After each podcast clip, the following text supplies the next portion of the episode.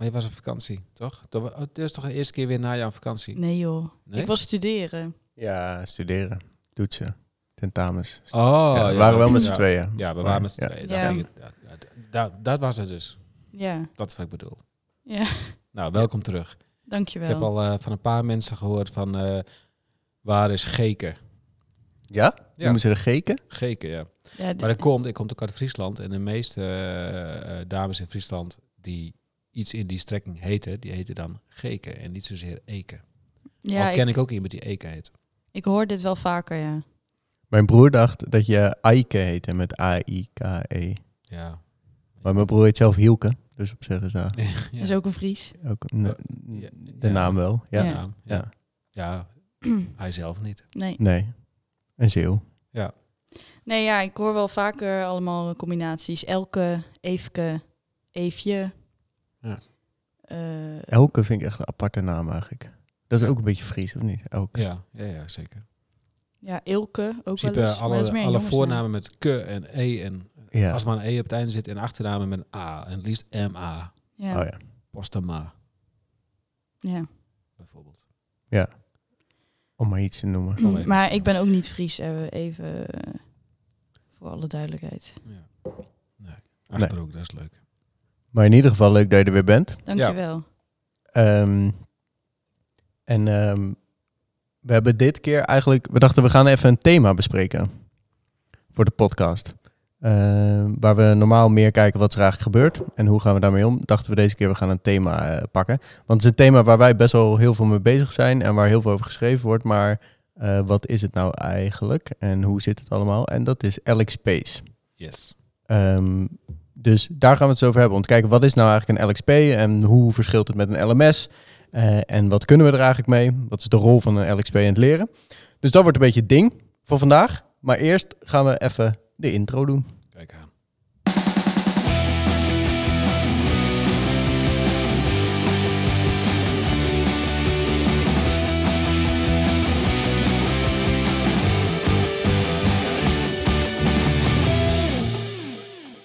Zo, Was hij weer? daar was hij weer. LXP, Ja, Learning Experience Platform. kijk aan. Ja, om even, om even duiding te doen. Ja, Ja, maar het wel een goed punt wat, eh, wat Ivo zegt. Ik denk dat er eh, veel verwarring is om, omtrent wat is nou een LXP. En ik denk dat, dat is een beetje inherent aan elke tech-ding ook, maar ik denk in het leren misschien nog wel meer dan normaal, dat bepaalde termen die komen, eh, die worden geïntroduceerd. Dus een systeem of een model of whatever. ehm, en net als 70 2010 eh, destijds. Ehm, ja, dat was ook een model. Dat wordt dan door de hele markt opgepakt. Mhm. En je merkt eigenlijk dat er heel veel bedrijven, of dat nou systemen zijn of, of, of leerbedrijven, met zo'n term aan de haal gaan, hun eigen eh, definitie daarin in, in opladen. En ik denk dat dat bij LXP ook wel gebeurt. Ja. Eh, en dat maakt het ook wel heel verwarrend. ja, want er zijn best wel veel verschillende platformen die allemaal zeggen dat ze een LXP zijn. Ja, ja behoorlijk. Ja. Ik, ik had eh, een paar weken geleden een blog geschreven voor onze site, eh, waarin ik een LXP-provider had gesproken. Die zegt dat hij een LXP is, waar ik wat vraagtekens bij had. Maar goed, klaar. Maakt niet uit. En je merkt ook direct dat dat discussie is. Van ja, maar de situatie die je nu schetst, dat is niet zuiver een LXP. Wat ook wel klopt in die zin. Maar het is grappig dat het niet over de inhoud ging van de blog, maar het ging over het begrip LXP. Ja, maar, Ja? ja nee, ga maar. maar ehm, wat is volgens jullie dan een LXP? Ja, dat is een beetje de vraag. Ja, maar daar gaat deze hele podcast over dan. Ja, oké. Ja, ja. Maar als je dat, Ja, ja. nee, maar dit is wel de vraag. Maar als je het gaat ontleden, zeg maar, want eh, eh, puur even op het, eh, het naampje, eh, eh, eh, leerervaring platform eigenlijk. Mhm. Dus eh, dat zou daarmee zeggen dat het veel meer op de ervaring van het leren zit, Ja. waar een LMS op het managen zit Ja. van eh, het leren. Ja. Wat gelijk wel een hele interessante is, want is een LXP zeg maar de vervanging van een LMS of is het iets aanvullends of zo? Doen ze, willen ze hetzelfde doen of is het eh, eigenlijk iets anders wat ze aan het doen zijn? Ja. Is dat een vraag of is dat, zou dat de conclusie moeten zijn van de podcast? Nou, het is wel een beetje een vraag eigenlijk. Hoe, hoe zit dat? Ja. Ik denk, maar goed, het is een gevoelig onderwerp misschien. Ik denk niet dat een LXP per se de vervanger is van een LMS. Hè, dus een LMS, eh, daar manage je het leren, dus je registreert. Het, het heeft veel meer de inslag vanuit compliancy. Dus ik wil de, al mijn gebruikers erin zitten, ik wil kunnen rapporteren, ik wil kunnen zien eh, vanuit de verplichte opleidingen, eh, wettelijk verplicht of vanuit de organisatie, maakt even niet uit. Wil ik kunnen zien wat is de voortgang en ik wil daarop kunnen rapporteren. En, eh, en, en, en een learning experience eh, platform, LXP, heeft veel meer de inslag dat het bijdraagt minder aan de organisatie misschien wel, maar veel meer bijdraagt aan de gebruiker. Terugkomend op je vraag, is een LXP een vervanger voor de LMS? Ik denk in de meest zuivere vorm niet. Denk ik dat ze complementair kunnen zijn. Dus dat een LXP meer de gebruiker is en de LMS nog steeds voor het management slash eh, registratie. Ik denk wel, dit is een tricky eh, uitspraak misschien, dat de markt gewoon veel minder zit te wachten op het fenomeen LMS. Ja. Dus dat LMS misschien uiteindelijk wel dood zal gaan, tussen aanhalingstekens, om, het, om, het, om wat het is. Ja, dus eh, dan is het meer zeg maar dat als je het heel plat zou slaan tot een leerplatform binnen een organisatie, Ja, dat LXP misschien wel het nieuwe leerplatform binnen de organisatie gaat zijn. ja klopt. Ja. Ja. En daarmee dus ook de, de ondergang van een LMS waarschijnlijk versneld inzet, omdat er een betere alternatief is. Maar als je puur kijkt naar waar ligt nou het onderscheid tussen een, een LMS en een LXP, denk ik niet dat een LM, LXP en een LMS vergelijkbaar zijn, Nee, per se. Want wat je net zei, en dat is ook weer iets wat je veel terugleest, dat een LMS veel meer administratie gedreven is, zeg maar, en dat een LXP veel meer eh, gebruiker gedreven is. Ja. Dus veel meer, veel meer gaat om wat wil jij eigenlijk leren en hoe, hoe ga je dat doen. Ja. Wat wel heel grappig is of fijn is, want een, eh, daar hebben wij het ook al vaak over gehad, dat een LMS eigenlijk heel weinig te doen had met jouw eigen leerproces, maar alleen maar met het, eh, het vinkjes zetten en dat bijhouden. Ja. Maar je zou wel zeggen dat dat een behoefte is die blijft, zeg maar ook over tien jaar. We willen nog steeds weten wat heeft iemand gedaan en, ehm, en waar kan ik dat zien dat hij dat heeft gedaan. Hoe zouden we dat dan gaan ondervangen? Want de- ik, ik ben het helemaal met je eens dat een LXP misschien meer het leerplatform kan gaan worden binnen een organisatie.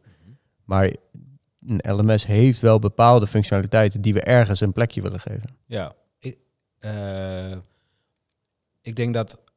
ehm, he- helemaal eens. Want je, je, je hebt een bepaalde basiszet en de wetgeving wordt echt niet minder de komende jaren. Wat alleen maar meer. Dus, dus je wil een registratie daarvan aanleggen. Eh, ik denk wel dat. Eigenlijk zijn er twee dingen wat ik denk. Eh, eentje is dat een LXP veel meer op skills zit. En dat dat de graadmeter gaat worden voor jou als organisatie om op te monitoren. Wat heb ik in huis? Eh, welke kwaliteit heb ik in huis? Of waar wil ik dat, eh, dat er aan gewerkt wordt? Want het is niet meer passend. Of eh, we lopen achter of whatever. Dus veel meer skills gedreven. Waarbij een LMS veel meer kijkt naar de vinkjes die je hebt behaald eh, in het verleden. Als je nu alleen kijkt naar het aannameproces. Toen ik vroeger, zo oud ben ik nou ook wel niet. Maar laten we toch maar zeggen vroeger. Hè, eh, ergens in dienst kwam, moest ik mijn mapje met diploma's overhandigen. Ja. En die werden dan in een LMS opgevoerd waarschijnlijk. Of in een HR-systeem minimaal. Dat is wat een LMS doet. Eh, eh, als ik kijk naar Hubber, en wij nemen ook best wel veel mensen aan. Ik heb nog nooit een diploma opgevraagd. Nee. Omdat we daar helemaal niet in geïnteresseerd zijn eigenlijk. Nee. We zijn ook ISO gecertificeerd. Een van de normeisen is ook dat je daar een functiehuis op bouwt. En dat je dan minimale kwalificatie, of eh, sorry, minimale functievereisten gaat definiëren. En er zit ook toch wel op de oldschool gedachte diploma's. Terwijl onze beste developers, eh, die hebben helemaal geen diploma. Nee, inderdaad. En nu is dat in development natuurlijk ook bij uitstek iets hè, waar, Ja. het veel meer is eh, met doen. Maar het is wel grappig dat skills, en daar wilde ik inderdaad naartoe. Dat, dat, dat is heel apart eigenlijk. Dat je, eh, want ehm, het feit dat je een diploma eh, behaalt of behaald hebt, is een soort van eh, eh, bewijsje dat je iets op een bepaald niveau kan. Een skill op een bepaald niveau kan. Ja. Maar nu zijn we dat dus eigenlijk weer aan het omdraaien. Ja. We zeggen we nee, dat is niet meer relevant. Ik wil gewoon weten dat je dat kan, maar daar hoeft geen diploma aan te grondslag liggen. Dat kan eigenlijk van alles zijn, zeg maar, hoe, dat, eh, hoe we dat meten. Ja, en het, dat het een continu proces is. Een diploma zegt iets over wat ik in mijn geval 17 jaar geleden ge- gedaan zou kunnen hebben. Even Mhm. vanuit dat ik op mijn twintigste klaar was. Ja. Ehm, maar wat zegt het over nu? Eh, eh, vrij weinig. Nu is het natuurlijk wel zo dat in een LMS kan je ook uh, permanente educatie en zo wel, wel, wel registreren. Uh, maar we zijn veel meer geïnteresseerd in wat heeft uh, Peter of de gebruiker in dit geval nu geleerd. Uh, welke continu leerstromingen bewandelt hij? ja, hoe, staat, hoe staan zijn skills ervoor? Ja, en dat opent natuurlijk ook wel weer een hele nieuwe markt. Dat zie je ook wel een beetje terug binnen sommige van die LXP's, zoals Decreed. Die heeft zo'n tool gemaakt om skills te meten. Ja, ja. Dat is wel heel interessant. ja dat is vet. Ja. Ja. Het zou wel mooi zijn als daar veel meer in gaat gebeuren. Want een echt goede uniforme manier om skills te meten, dat blijft natuurlijk altijd eh, een beetje een lastig iets. Waar weer competentieframeworks worden voor opgetuigd en dat soort dingen om het toch weer te formaliseren.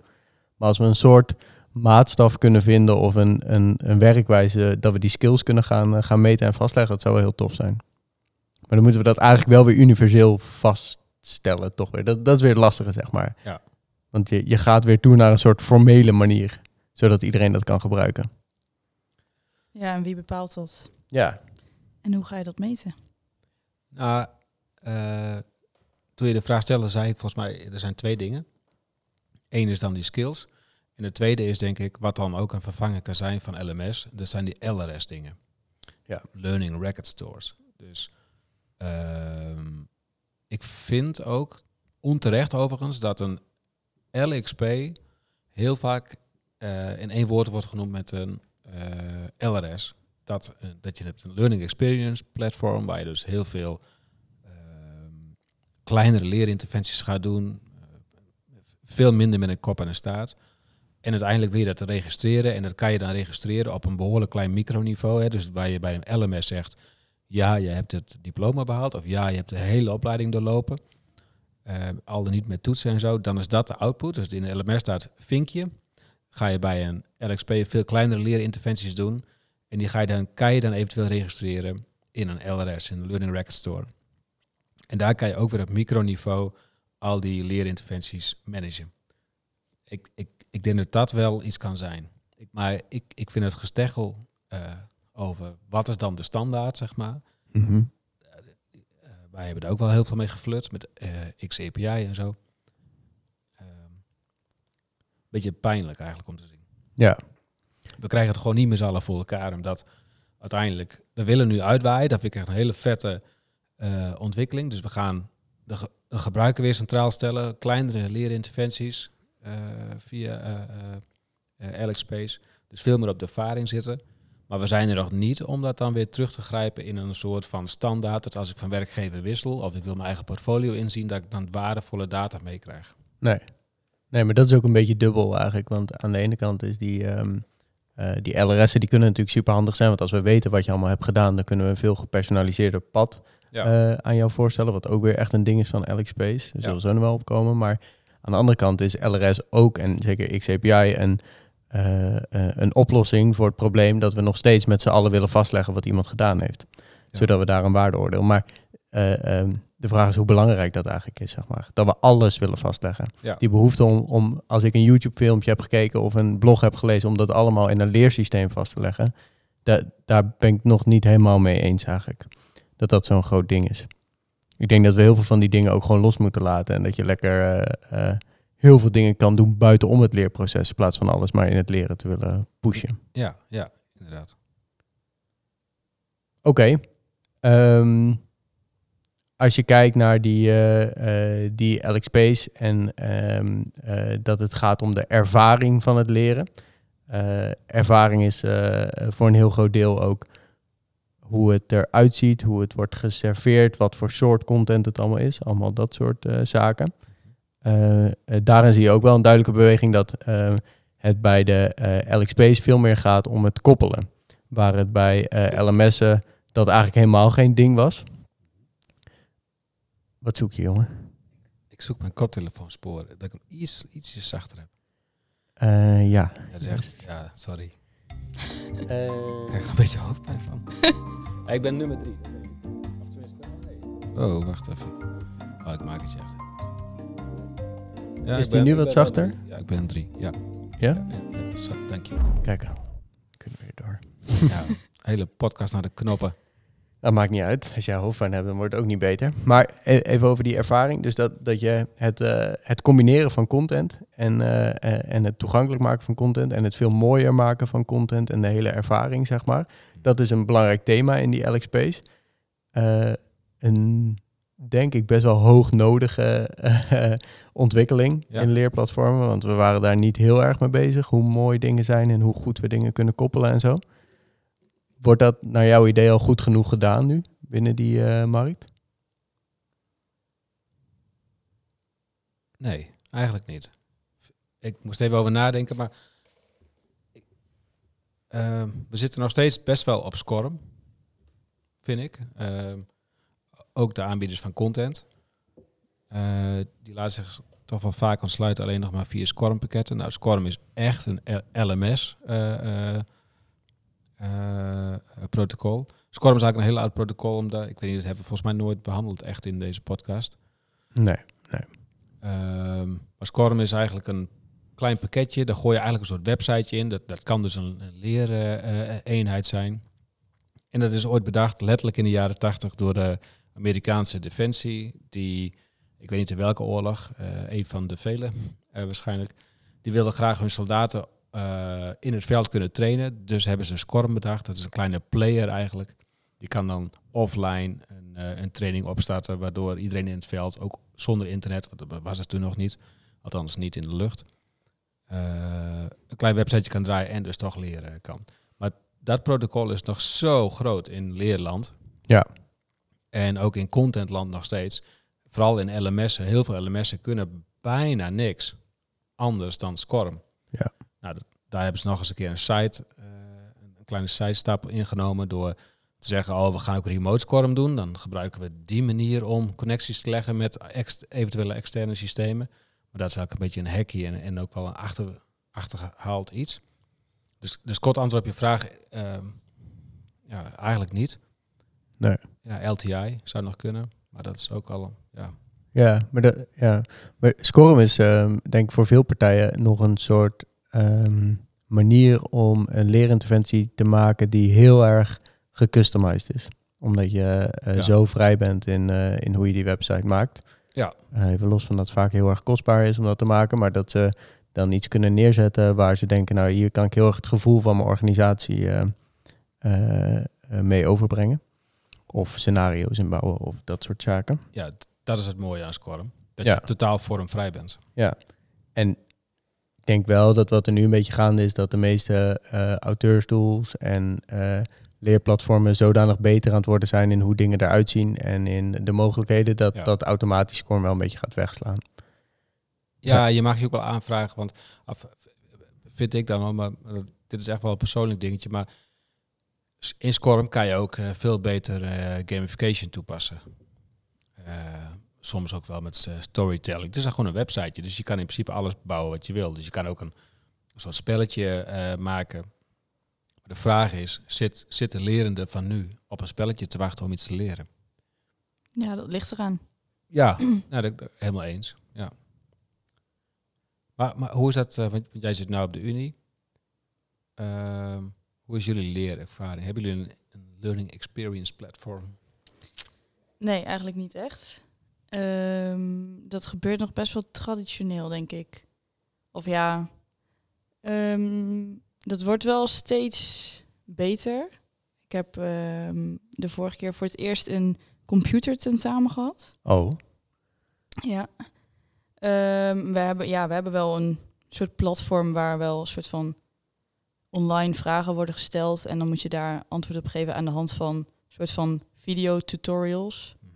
Ehm, maar ja, dat gaat dan wel weer. Dan heb je wel drie verschillende pagina's openstaan in verschillende Ja, platforms, laat maar zeggen. ja. Mm, maar ja, dat is op zich niet heel erg. Oh, ja, ja.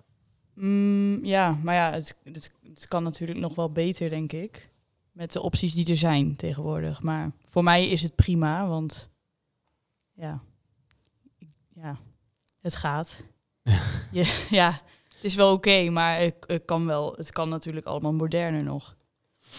ja, ja. moet ik zeggen dat ze, ik denk dat zij best wel voorop lopen, de universiteit waar ik op zit. Qua technologie en zo. Mhm. We zijn wel nu ook afgestapt van Blackboard. Oké, dat zie je als iets goeds. Ehm, weet ik niet per se, maar ik hoor best wel veel studenten daar wel eens over klagen. Dus eh, ja. Ja. is bijna ook wel een podcast waard. Hè? Eh, die af, eh, er zijn echt knetter veel hogescholen en universiteiten die afstappen van Blackboard. Ja, wij zijn nu naar Canvas gegaan. Ja, die Ah, neemt ja. volgens mij het grootste deel ook over. Canvas. Ja, en daarin kun je ook weer een soort van eh, vragen stellen en toetsen doen. Ja. Maar dan, ja, en ook dingen uploaden en eh, Mhm. ook wel echt met cijfers eraan gekoppeld en zo. En bij jou, Ivo? Jij bent ook niet zo heel lang. nee, geintje. Nee, bij mij op, eh, op school deden ze niet heel veel. Was, er- eigenlijk was je de hele online leeromgeving was puur gericht op eh, ehm, het logistieke proces en niet op het leren. Nee, precies. Dus eh, veel meer in LMS in die zin. ja. ja. Ja, ja, Ja. Ja, dat is bij ons nog steeds wel. Ja. Alleen wordt het wel steeds meer dat je ook wel video's krijgt en dat je dat dan gewoon in je eigen tijd Ah ja, moet fixen en zo. Ja. Maar ja. Ja, het kan natuurlijk altijd nog wel. Nou, ik denk dat die hele LXP-gedachte best wel eh, goed zou passen, ook in het schoolsysteem. Alleen wat lastig is, is dat het schoolsysteem nog heel erg vastzit aan vaste curriculum, zeg maar. En dat eh, je wil dus heel erg vaststellen wat iemand qua content krijgt en, eh, en, en wat hij allemaal moet doorlopen. Waar je bij LXP's veel meer zegt, nee, we gaan kijken wat jij wil doen en welke bronnen er allemaal zijn en kies maar wat je wil doen, zeg maar. Ja. Dus daar zit wel een mismatch, nu nog met hoe school is ingericht. ja. Klopt. Alleen het is wel lastig natuurlijk, want iedere student moet wel, laten we zeggen, een soort van de mogelijkheid krijgen om hetzelfde, eh, ja, dezelfde content te krijgen. Ja, ja. ja, dat maakt het nu heel lastig. Ja, Ja, eens. Eens.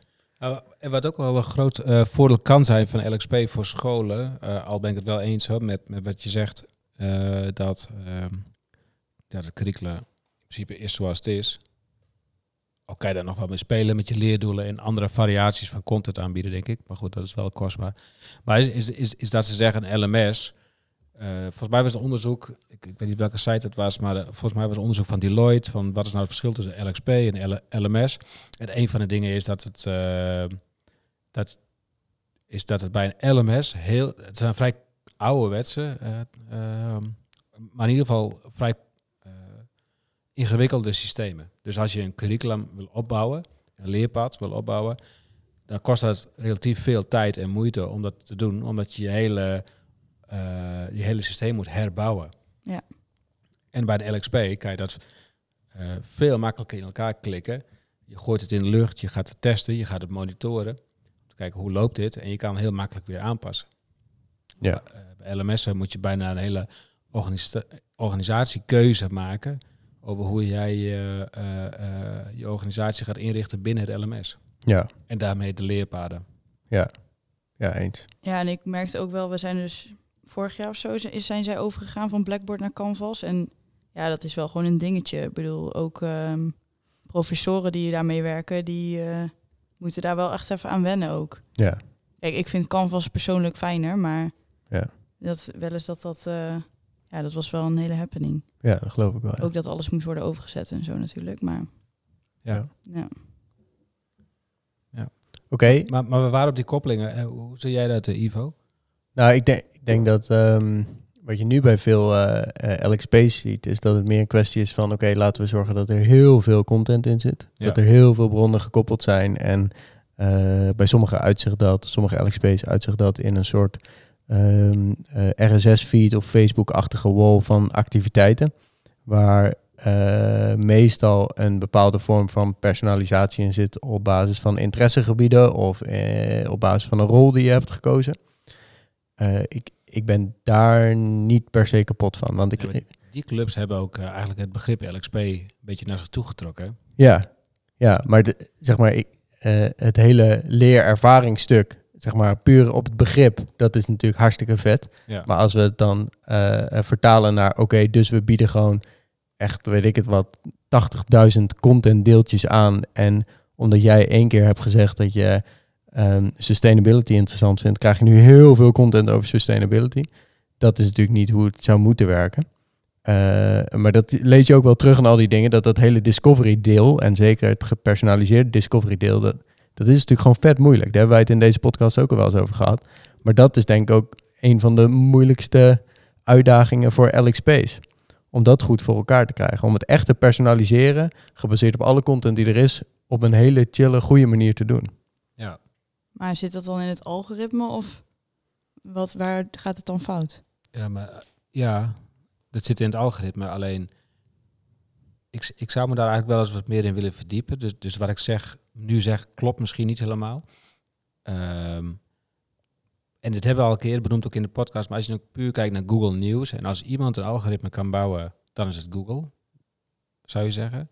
En toch, Google News krijgt het ook niet voor elkaar. Ik klik één keer een artikel aan over Bridget Maasland en André Hazes. ja, ja, ja, sorry, heb ik gedaan.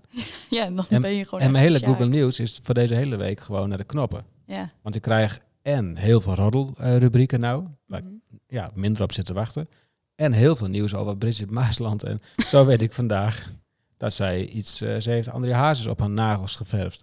Ja, Oh ja? ja, Pardon? ja, of Brazes of zoiets had ze. Ja, ik weet, ik, ik, ik, ik- maar Maar dat past wel precies, André Hazes. ja, nou, ze had iets met uh, Brazes gedaan of zo. Ik weet ook niet precies waarom. Maar de reden waarom ik het niet weet, waarom, is, is omdat ik dus zo bewust met mijn nieuws omga. Dat ik, Mhm. ik lees een titel, Bridget Maasland, eh Brazes op haar nagels geverfd. Dat ik het niet aanklik. Want ik weet, als ik het aanklik, dan krijg ik morgen vier artikelen terug over Bridget Maasland. En dan zit ik gewoon niet op te wachten. Nee. Dus al die algoritmes die drukken ons nog steeds in van die hokjes. In, in, in, Ja. in van die echo, eh, echo chambers noemen ze het ook wel. Maar, en ik vind het zorgelijk dat, dat zelfs Google dat niet op orde heeft. Ja.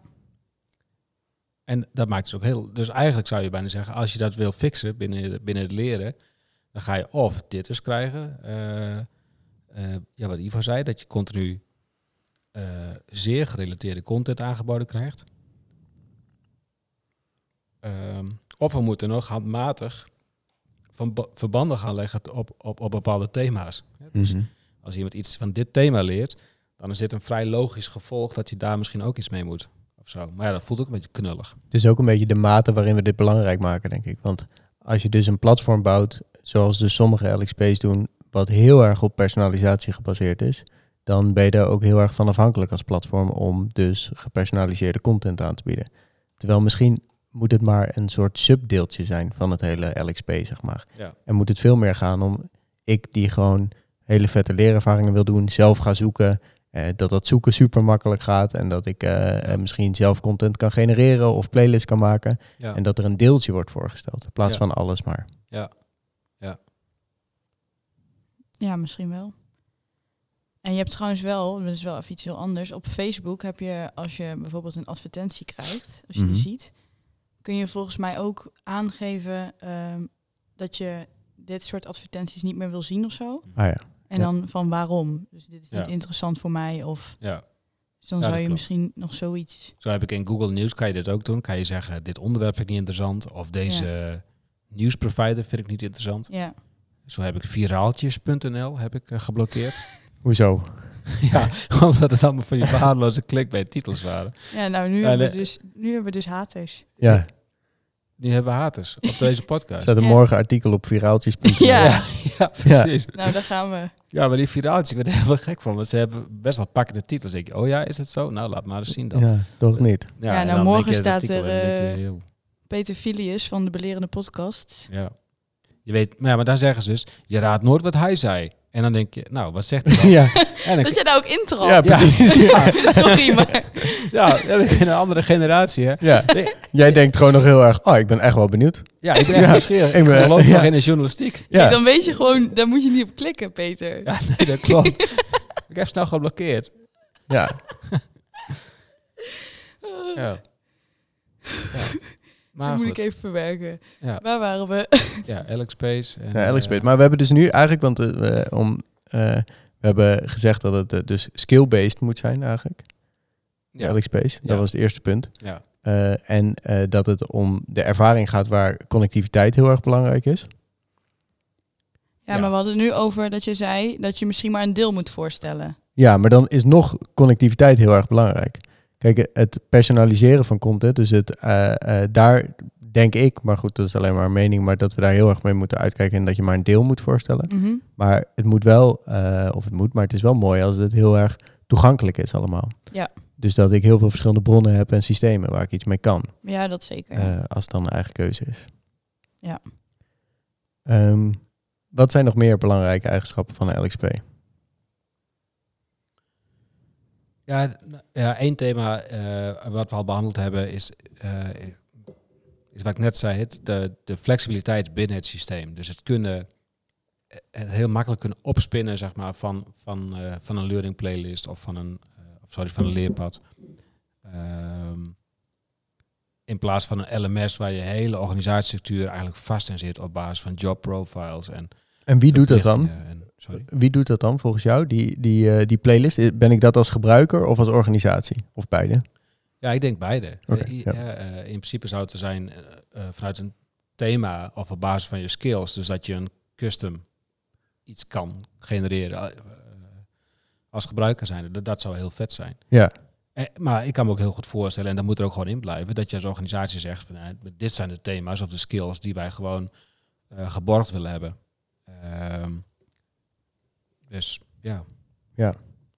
die is interessant eigenlijk. Want als je vanuit die ehm, eh, kant kijkt, dus ik ben een organisatie of ik ben een manager en ik zeg eh, dit en dit en dit vind ik belangrijke skills voor mijn team. Ja. Eh, dan eh schurk je eigenlijk best wel dicht tegen HR weer aan. Dus wat is de rol daarvan dan weer? Want eigenlijk HR-systemen zitten nu ook heel erg op je eigen ontwikkelen. En wat zijn jouw doelen en welke skills wil je gaan verbeteren en zo.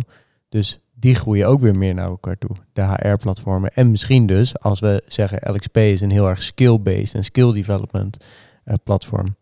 Dan, dan zou je zeggen dat daar gaat iets gebeuren tussen die twee. Ja, dat denk ik ook. Ik, ik, ik denk waar, eh, waar we het juist helemaal in het begin hadden over, is een LXP een verlengstuk van LMS.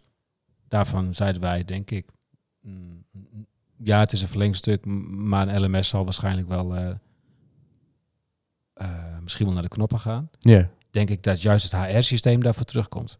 Ja, die is er al, maar ik denk dat de taken die een LMS nu doet, dat die juist heel mooi in een HR-systeem zou kunnen passen. Ja. Waardoor je een veel mooiere flow hebt vanuit HR naar LXP. Ja. Is een, ehm, een LXP puur online of zit daar ook nog een rol voor een begeleider slash blended, zeg maar? Ja, blended sowieso, maar een, een ding waar we volgens mij met z'n allen best wel mee worstelen, of in ieder geval wij, is wat is social learning eigenlijk? Ja. Misschien is dat nog een ander thema voor een andere keer, maar Ja. het is ook wel een ding wat je in veel van deze artikelen terugleest. Ja. Dat een LXP misschien ook social learning zou moeten eh, eh, kunnen faciliteren. Ja. Wat gelijk grappig is, want misschien valt social learning maar heel weinig te faciliteren. En Is, maar goed, dat is weer ook weer iets anders. Maar in hoeverre ehm, eh, moet dat sociale stuk in een LXP gaan plaatsvinden? Tussen mensen en tussen begeleider en mensen.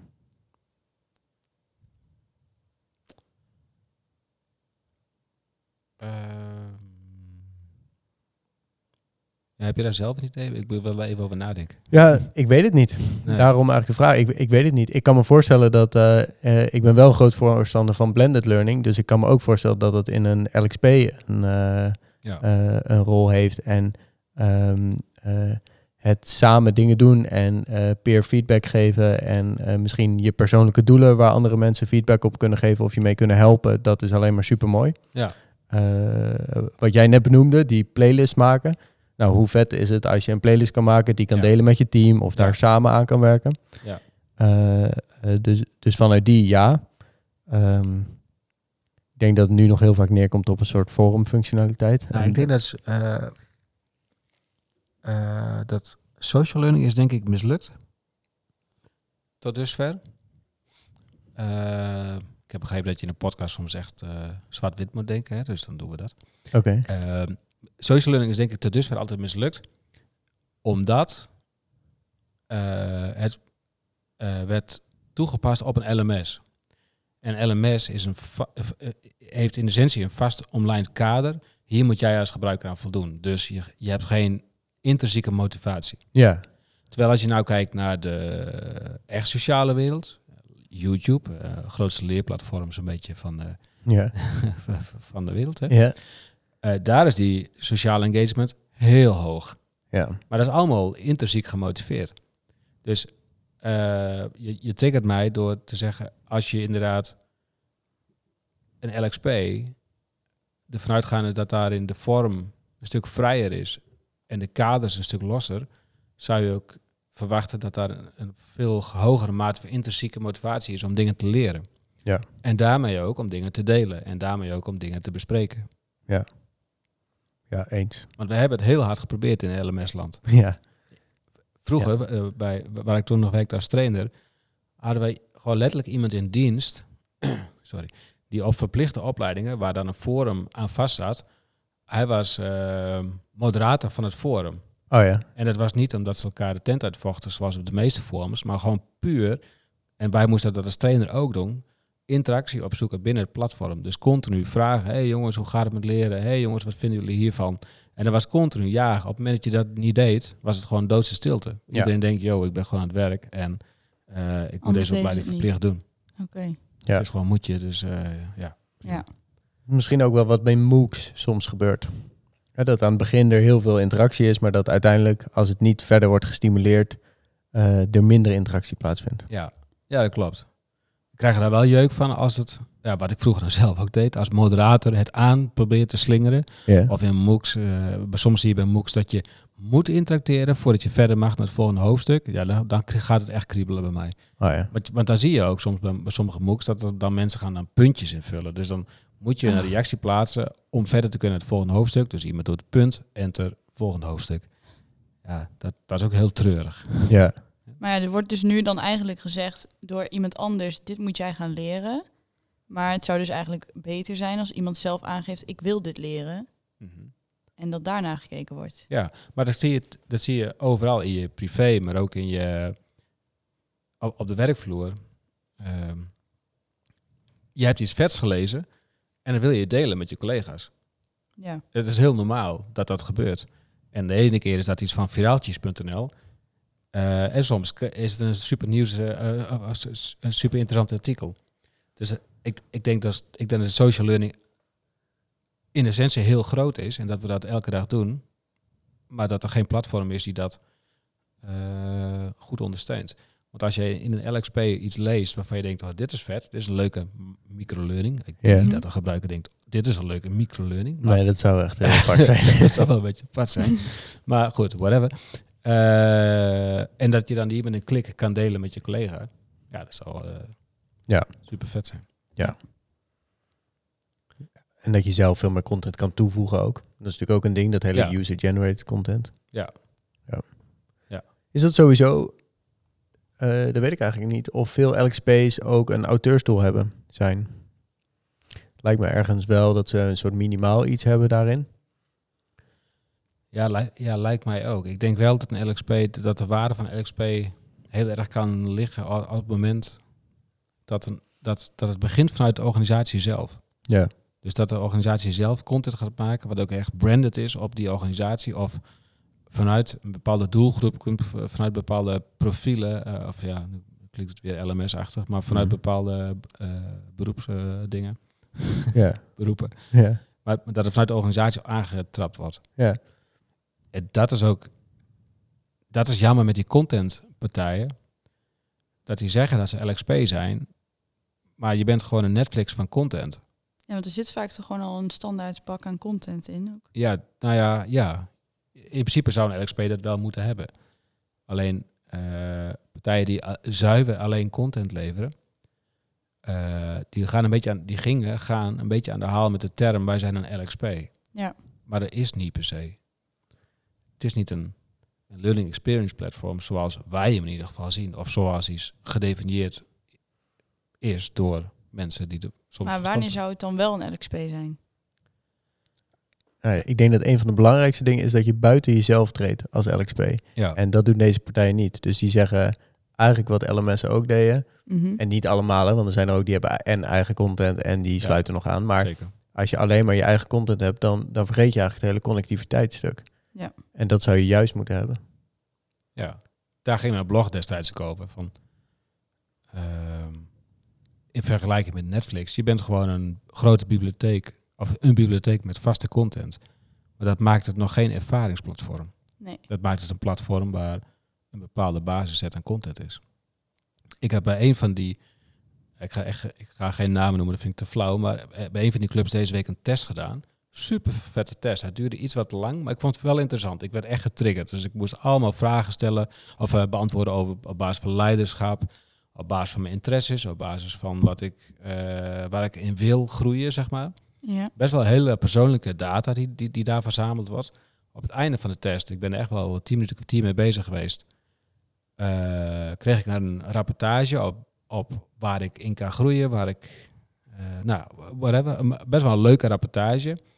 Maar dan komt hun content, en dat is hun eigen content, want anders heeft dat platform niet. En dan zeggen ze, nou, op basis van het, uh, de test die je nu gedaan hebt, adviseren we jou om de cursus Microsoft Office te doen. en met name de Word-versie en daarna pas de Excel-versie. En ik, wat de fuck heb ik hier nou, uh, mag ik dat zeggen? Ja hoor. Ja. Wat de fuck heb ik hier nou uh, gedaan, zeg maar? Ik heb net een kwartier mijn hele leven zo'n beetje in deze tool gedrukt. En je komt aan met een Word-opleiding. En dit was oprecht het advies wat je kreeg? Ja, ja, ja. Ja, ja. Okay. Dus geen gein. Maar dat komt omdat hun content is nog redelijk beperkt. Het is best wel oké, okay, je content overigens hoor, maar, maar wel op een, van een redelijk bazaal niveau.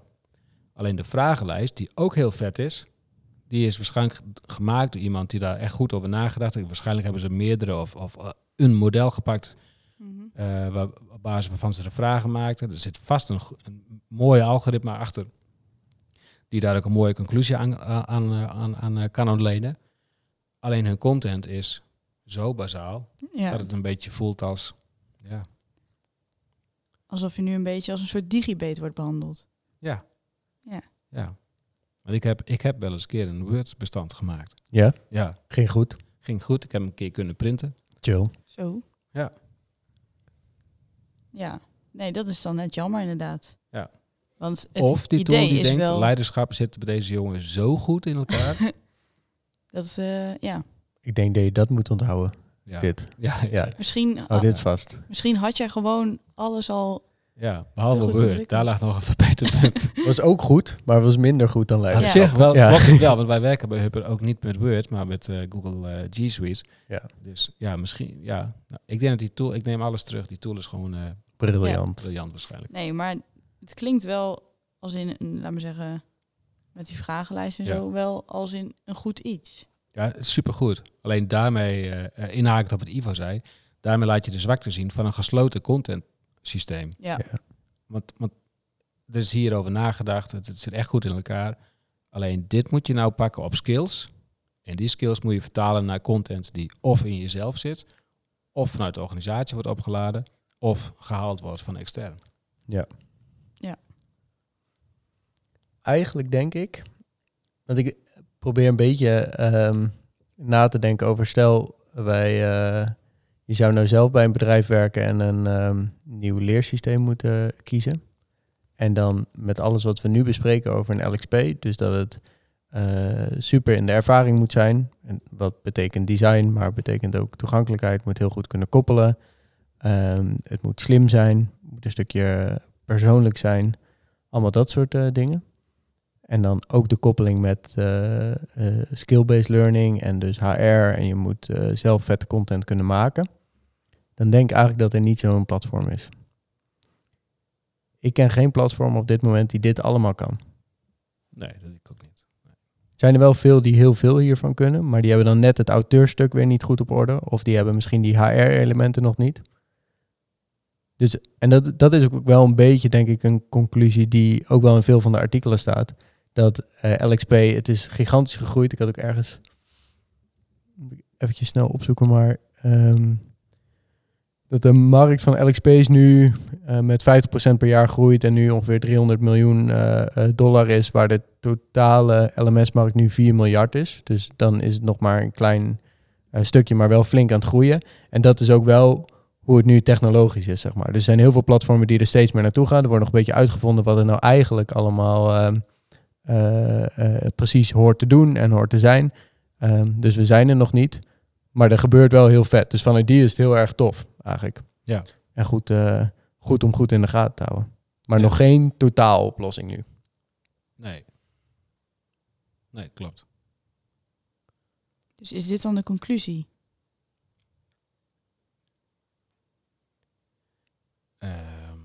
Dat we er nog niet zijn. Nou, Ja. nou, nou, het doel van deze podcast was voor onszelf en, en hopelijk ook voor anderen Ja. om, eh, om het begrip LXP wat eh, te, eh, te laden. ja. Nou, dat is in ieder geval gelukt. Het mooiste wat, wat ik eh, gelezen had, dat zei ik eh, voor de podcast tegen jou, eh, want het stond op een blog die jij aan het lezen was, maar dat het grootste verschil tussen een LMS en een LXP is. Een LMS is administrator-driven en een LXP is learner-driven. ja. En dat is volgens mij de opsomming van het hele verhaal. Ja, eens. Cool. Ja, hoe lang zijn we eigenlijk bezig? Eh 40 minuten of zo. Oh, Oh. Ja. oh. Ik, heb jij nog iets? Ja, Nee, ik, eh, nee, ja, eigenlijk niet. En het sluit hier helemaal niet op aan. Maar, maar wist jij wat een LXP was? Ja. Oké, Dat Oké. wist ik. ja, anders konden we toetsen of jij... Nee. Nee, goed. Ik bedoel, ik lees jouw blogs ook hoor, Peter. Oh, dankjewel. ben jij dat? Ja, ik ben Ja, dat. maar ja, en ik zelf heel vaak. Oh ja, ja. Nee, ehm, nee, dat sluit hier helemaal niet op aan. En het is ook iets best wel kleins. Maar eh was best wel grappig, want ehm, zoals... Ga je dus- nou weer over die sticker beginnen? Nee, Welke sticker? dat is een persoonlijk verhaal. Eh, dit skippen we. Ehm, ik, eh, zoals we dus zeiden, eh, moest ik een tijdje terug studeren. En dat deed ik in de, de UB, de Universiteitsbibliotheek. Ja. En toen kwam ik er dus achter dat studenten tegenwoordig, dat er een paar studenten zijn, ik weet niet of het echt een ding is, maar dat er geleerd wordt aan de hand van de Pomodoro-app. Kennen jullie dit? Nee. Dat is blijkbaar een app. En dan moet je dus 25 minuten ga je studeren. En dan ga je weer 5 minuten pauze houden. Dan ga je weer 25 minuten studeren. En dan heb je een paar van zulke blokken achter elkaar. Ja, En daarna heb je een grote pauze van drie kwartier volgens mij. oké. En dat gaat de hele tijd zo door. En dan moet je dus, voordat je begint aan die dag, Mhm. moet je op gaan schrijven wat je in ieder blok gaat doen. En dat is dus blijkbaar een ding tegenwoordig. Pomodoro-app. Ja. Maar is het dan eh, puur een timer, zeg Ja. maar? Ja, eigenlijk wel. Oké. Maar er zit wel een hele gedachtegang achter. Mhm. Ehm, ik heb het nog niet zelf geprobeerd, omdat ik ook denk dat het voor mij niet per se heel goed werkt. Maar er zijn dus mensen die het wel eh, heel chill vinden. Ik, ik kan me wel voorstellen, want ik, ik, ik denk dat jij ook even dat wij moeten denken aan het boek van Grip Ja, van Rick Pastoor. Eh, waar ook heel erg op het indelen zit, het evalueren en het vooruitplannen van je tijd en zo. Ik kan me best wel voorstellen dat hier een, dat hier een, een heftig onderzoek aan de grondslag ligt van hoe het menselijk brein, zeg maar, eh, informatie vergaart en hoe je dat verwerkt. En waarin we ook, eh, nou, we hebben natuurlijk de retentie, dus herhalen van dingen, maar ook tijd is een superbelangrijk ding ah ja. Vroeger toen ik eh, trainingen gaf, ehm, de meest gedreven studenten, om het even zo te eh, eh, noemen, die waren echt tot, tot diep in de nacht nog aan het leren. Mhm. Ehm, terwijl de rest gewoon in de kroeg stond. We hadden altijd van die in-house trainingen, trainingen dus eh, eigen kroeg en eh, allemaal leuk. Ehm, maar je kon er vergif op innemen dat de studenten die tot 12 uur s'nachts aan het leren waren, dat die de volgende dag de toets niet zouden halen. En dat is ook iets wat in het brein gebeurt. Dus je, je gooit zoveel verwarring in je brein dat je eigenlijk je brein geen kans geeft om die informatie eh, op de juiste manier te verwerken. Ik denk, ik, als ik dit dan hoor, denk ik dat, dat er zoiets ook achter zit. Ja, het is, want ik had heel even snel gezocht, maar die, de, het is eh, de Pomodoro-techniek is een, een heel ja, ding schijnbaar. ding, ja. En dat is eh, ja, door een Italiaan bedacht. Ja, ik zag en die had een kookwerk in de vorm van een tomaat toen hij dit bedacht. Ja, Al dus Wikipedia. Ja, en een Italiaan, die zijn sowieso eh, redelijk van de tomaten. Zeker, ja. Maar Ja. inderdaad, steeds periodes van 25 minuten en dan na de vierde keer mag je een grote pauze nemen. Ja. En je mag ook, zag ik, ehm, het kan ook dat je de tijd bijvoorbeeld langer zet. Dat kun je wel, maar oorspronkelijk is het dan 25 minuten. Oké. Cool. Ga je het proberen? Maar het is dus ook al om je te dwingen om te gaan leren. Ja, en ik las ook ergens eh, dat het dan ook lijkt van het zijn maar 25 minuten, Ah ja. dat kan ik wel. Ja, Ja. precies. Ja. Maar dan moet je dus wel 25 minuten focus, eh, alles wegleggen, afleiding. Die kan ik me best wel voorstellen. Dat zou bij mij ook wel zo werken, denk ik, als ik moet studeren. even 25 minuten en dat je dan denkt, nou, dit kan ik wel. Deze Ja. 25 minuten. Ja, ik vind het Ja. wel lang hoor.